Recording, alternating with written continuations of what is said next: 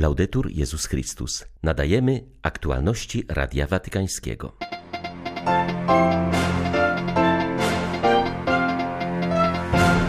Myśl teologiczna Benedykta XVI nadal wydaje owoce. Wszyscy czujemy jego modlitwę i duchową obecność, mówił Franciszek podczas wręczenia tegorocznych nagród Ratzingera. Do modlitwy za wolontariuszy zachęca papież w intencji na grudzień. Prymas wspólnoty anglikańskiej składa wizytę na Ukrainie. Wasz naród okazał niezwykłą odwagę w obliczu nielegalnej, niesprawiedliwej i brutalnej rosyjskiej agresji, powiedział arcybiskup Justin Welby. 1 grudnia witają Państwa ksiądz Krzysztof Ołdakowski i ksiądz Tomasz Matyka. Zapraszamy na serwis informacyjny. Myśl teologiczna Józefa Ratzingera nadal oddziałuje i wydaje owoce. Wszyscy czujemy duchową obecność papieża seniora i jego towarzyszenie modlitwą całemu Kościołowi. Papież Franciszek mówił o tym w czasie ceremonii wręczenia Nagrody Ratzingera. W tym roku jej laureatami są francuski jezuita i patrolog ojciec Michel Fedu oraz amerykański prawnik profesor Joseph Halevi Horowitz-Weiler, który jednocześnie jest pierwszym Żydem otrzymującym to prestiżowe wyróżnienie. Franciszek wspomniał o swych braterskich i serdecznych spotkaniach z papieżem seniorem, nawiązując Nawiązując do jego wybitnej myśli teologicznej, przypomniał, że Benedykt XVI nie tylko osobiście uczestniczył w Soborze Watykańskim II i wniósł wielki wkład w przygotowanie najważniejszych dokumentów soborowych, ale i aktywnie realizował jego postanowienia. Najpierw u boku Jana Pawła II, a następnie jako pasterz Kościoła Powszechnego. Jego nauczanie publikowane jest w różnych językach w serii Opera Omnia i wciąż wciąż stanowi solidną podstawę teologiczną drogi Kościoła. Franciszek powiedział, że tegoroczni laureaci Nagrody Ratzingera ukazują, jak ważny jest dialog Kościoła ze światem i podejmowanie dyskutowanych współcześnie wyzwań. Papież podkreślił, że ojciec Michel Fedu jest mistrzem teologii chrześcijańskiej specjalizującym się w patrologii. Jednak jego spojrzenie nie skupia się na przyszłości. Znajomość tradycji wiary pielęgnowała w nim żywą myśl, która potrafiła odnieść się także do aktualnych zagadnień z dziedziny ekumenizmu i relacji z innymi religiami.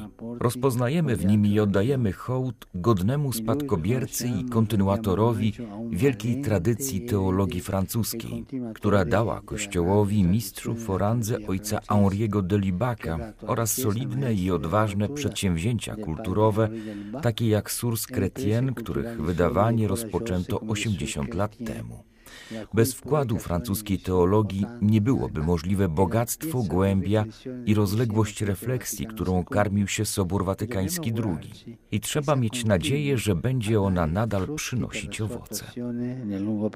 Papież przypomniał, że profesor Józef Halevi Horowitz-Weiler jest pierwszym w historii Nagrody Ratzingera laureatem o żydowskich korzeniach, ponieważ dotąd nagrody otrzymywali naukowcy reprezentujące różne wyznania chrześcijańskie.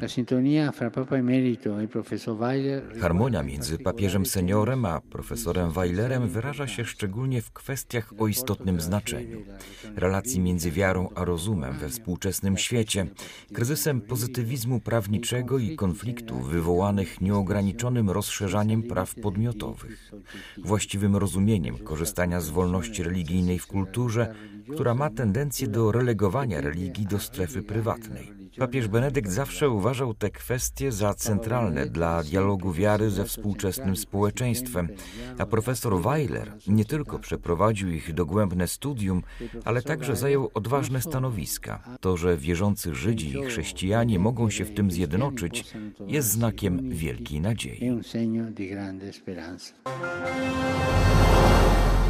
W liście skierowanym do uczestników Światowego Kongresu Edukacji Katolickiej, odbywającego się od 1 do 3 grudnia w Marsylii, papież nakreśla swoją wizję globalnego i integralnego nauczania.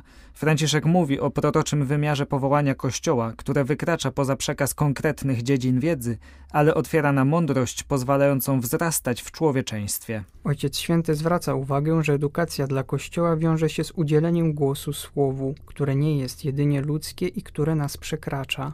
Nie ogranicza się jedynie do wymiaru konfesyjnego, ale jego treść jest otwarta na wszystkie dziedziny wiedzy i na każdego, kto jej poszukuje.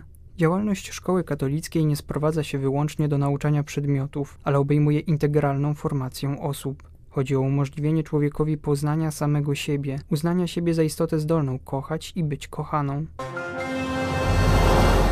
W intencji na grudzień przekazanej za pośrednictwem Światowej Sieci Modlitwy Papieża Ojciec Święty poleca szczególnie organizacje wolontariackie, które angażują się na rzecz dobra wspólnego. Franciszek zaznacza, że ludzie posługujący bezinteresownie w różnych instytucjach pożytku publicznego urzeczywistniają cud pomnażania nadziei. Świat potrzebuje wolontariuszy i organizacji pragnących zaangażować się na rzecz dobra wspólnego. Tak, to słowo, które dziś wielu chce wymazać zaangażowanie. A świat potrzebuje wolontariuszy angażujących się w działanie na rzecz dobra wspólnego. Bycie solidarnym wolontariuszem to wybór, który czyni nas wolnymi, czyni nas otwartymi na potrzeby innych, na żądania sprawiedliwości, na obronę ubogich, na troskę o stworzenie. Jest to bycie rzemieślnikami miłosierdzia. Posługa organizacji wolontariackich jest o wiele bardziej efektywna, gdy działają one razem, pracując w sposób skoordynowany, niezależnie od tego, jak mało mają zasobów, robią co w ich mocy i urzeczywistniają cud pomnażania nadziei. Tak bardzo potrzebujemy pomnażania nadziei.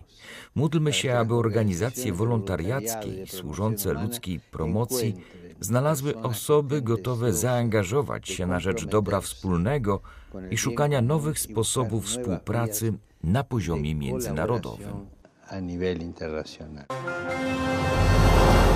Papież mianował arcybiskupa Jana Romea Pawłowskiego nowym nuncjuszem apostolskim w Grecji. Do niedawna kierował on jedną z sekcji watykańskiego sekretariatu stanu, odpowiedzialną za personel papieskich przedstawicielstw w świecie. Arcybiskup Pawłowski został wyświęcony w archidiecezji gnieźnieńskiej. Od 1991 roku pracuje w służbie dyplomatycznej Stolicy Apostolskiej, był nuncjuszem w Kongu i Gabonie.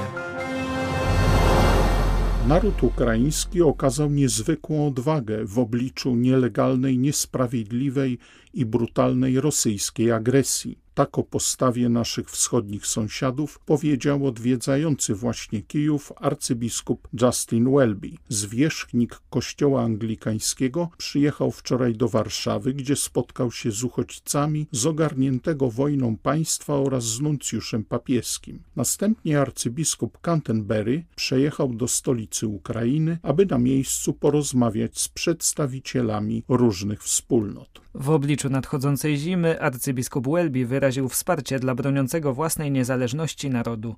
Wezwał przy tym wiernych swojego kościoła do modlitwy oraz udzielania również innej pomocy potrzebującym.